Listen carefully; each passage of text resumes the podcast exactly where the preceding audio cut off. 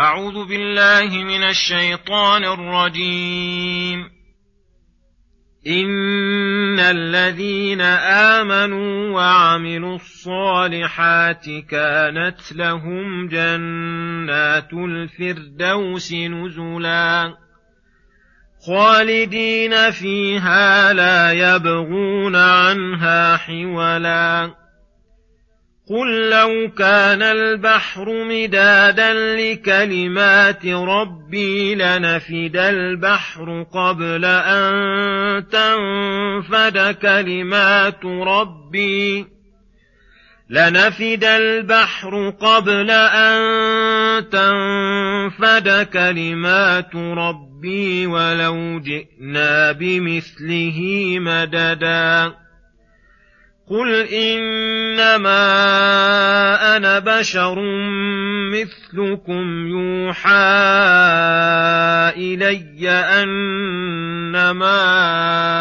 الهكم اله واحد فمن كان يرجو لقاء ربه فليعمل عملا صالحا فليعمل عملا صالحا ولا يشرك بعباده ربه احدا السلام عليكم ورحمة الله وبركاته.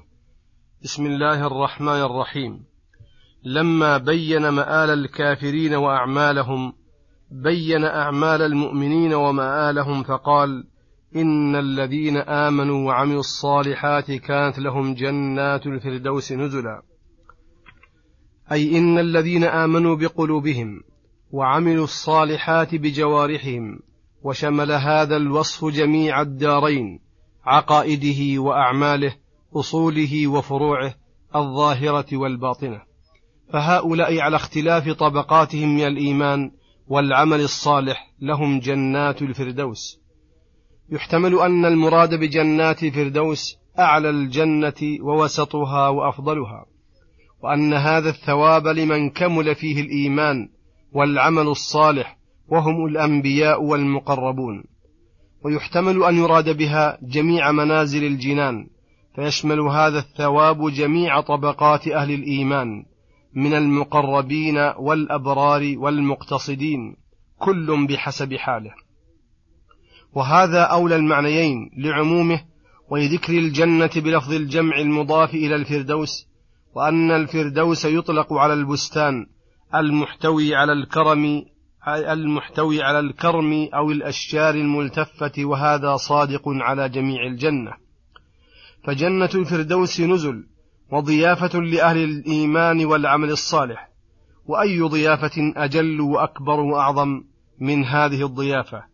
المحتوية على كل نعيم للقلوب والأرواح والأبدان وفيها ما تشتهيه الأنفس وتلذ الأعين من المنازل الأنيقة والرياض الناظرة والأشجار المثمرة والطيور المغردة المشجية والمآكل اللذيذة والمشارب الشهية والنساء الحسان والخدم والولدان والأنهار السارحة والمناظر الرائقة والجمال الحسي والمعنوي والنعمة الدائمة. وأعلى ذلك وأفضله وأجله التنعم بالقرب من الرحمن ونيل رضاه الذي هو أكبر نعيم الجنان. والتمتع برؤية وجهه الكريم وسماع كلام الرؤوف الرحيم. فلله تلك الضيافة ما أجلها وأجملها وأدومها وأكملها. وهي أعظم من أن يحيط بها وصف أحد من الخلائق. أو تخطر على القلوب. فلو علم العباد بعض ذلك النعيم علما حقيقيا يصل إلى قلوبهم لطارت إليها قلوبهم بالأشواق ولتقطعت أرواحهم من ألم الفراق ولساروا إليها زرافات ووحدانا ولم يؤثروا عليها دنيا فانية ولذات منغصة منغصة متلاشية ولم يفوتوا أوقاتا تذهب ضائعة خاسرة. يقابل كل لحظة منها من النعيم من الحقب آلاف مؤلفة. ولكن الغفلة شملت والإيمان ضعف والعلم قل والإرادة وهت فكان ما كان فلا حول ولا قوة إلا بالله العلي العظيم. وقوله خالدين فيها هذا هو تمام النعيم. إن فيها النعيم الكامل ومن تمامه أنه لا ينقطع لا يبغون عنها حولا. أي تحولا ولا انتقالا لأنهم لا يرون إلا ما يعجبهم ويبهجهم ويسرهم ويفرحهم ولا يرون نعيما فوق ما هم فيه. ثم يقول سبحانه قل لو كان البحر مدادا لكلمات ربي لنفد البحر قبل أن تنفد كلمات ربي ولو جئنا بمثله مددا. أي قل لهم مخبرا عن عظمة الباري وسعة صفاته وأنها لا يحيط العباد بشيء منها لو كان البحر أي هذه الأبحر الموجودة في العالم مدادا لكلمات ربي أي وأشجار الدنيا من أولها إلى آخرها من أشجار البلدان والبراري والبحار أقلام لنفد البحر وتكسرت الأقلام قبل أن تنفد كلمات ربي وهذا شيء عظيم لا يحيط به أحد. وفي الآية الأخرى ولو أن ما في الأرض من شجرة أقلام والبحر يمده من بعده سبعة أبحر ما نفدت كلمات الله إن الله عزيز حكيم. وهذا من باب تقريب المعنى إلى الأذهان لأن هذه الأشياء مخلوقة وجميع المخلوقات منقضية منتهية. وأما كلام الله فإنه من جملة صفاته وصفاته غير مخلوقة ولا لها حد ولا منتهى. فأي سعة وعظمة تصورتها القلوب فالله فوق ذلك. وهكذا سائر صفات الله تعالى كعلمه وحكمته وقدرته ورحمته.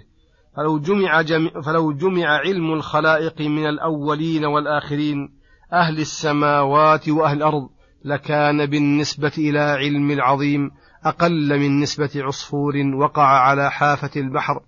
فأخذ بمنقاره من البحر بالنسبة للبحر وعظمته. ذلك بأن الله له الصفات العظيمة الواسعة الكاملة وأن إلى ربك المنتهى. ثم يقول سبحانه قل إنما أنا بشر مثلكم يوحى إلي أنما إلهكم إله واحد. الآية أي قل يا محمد للكفار وغيرهم إنما أنا بشر مثلكم أي لست بإله ولا لي شركة في الملك ولا علم بالغيب ولا عندي خزائن الله. إنما أنا بشر مثلكم عبد من عبيد ربي يوحى إلي أنما إلهكم إله واحد أي فضلت عليكم بالوحي الذي يوحيه لي الذي أجله الإخبار لكم أنما إلهكم إله واحد أي لا شريك له ولا أحد يستحق من العبادة مثقال ذرة وأدعوكم إلى العمل الذي يقربكم منه وينيلكم ثوابه ويدفع عنكم عقابه ولهذا قال فمن كان يرجو لقاء ربه فليعمل عملا صالحا. وهو الموافق لشرع الله من واجب ومستحب ولا يشرك بعبادة ربه أحدا أي لا يرائي بعمله بل يعمله خالصا لوجه الله تعالى. فهذا الذي جمع بين الإخلاص والمتابعة هو الذي ينال ما يرجو ويطلب. وأما من عدا ذلك فإنه خاسر في دنياه وأخراه وقد فاته القرب من مولاه ونيل رضاه. وصلى الله وسلم على نبينا محمد وعلى آله وصحبه أجمعين وإلى الحلقة القادمة غدا إن شاء الله. والسلام عليكم ورحمة الله وبركاته.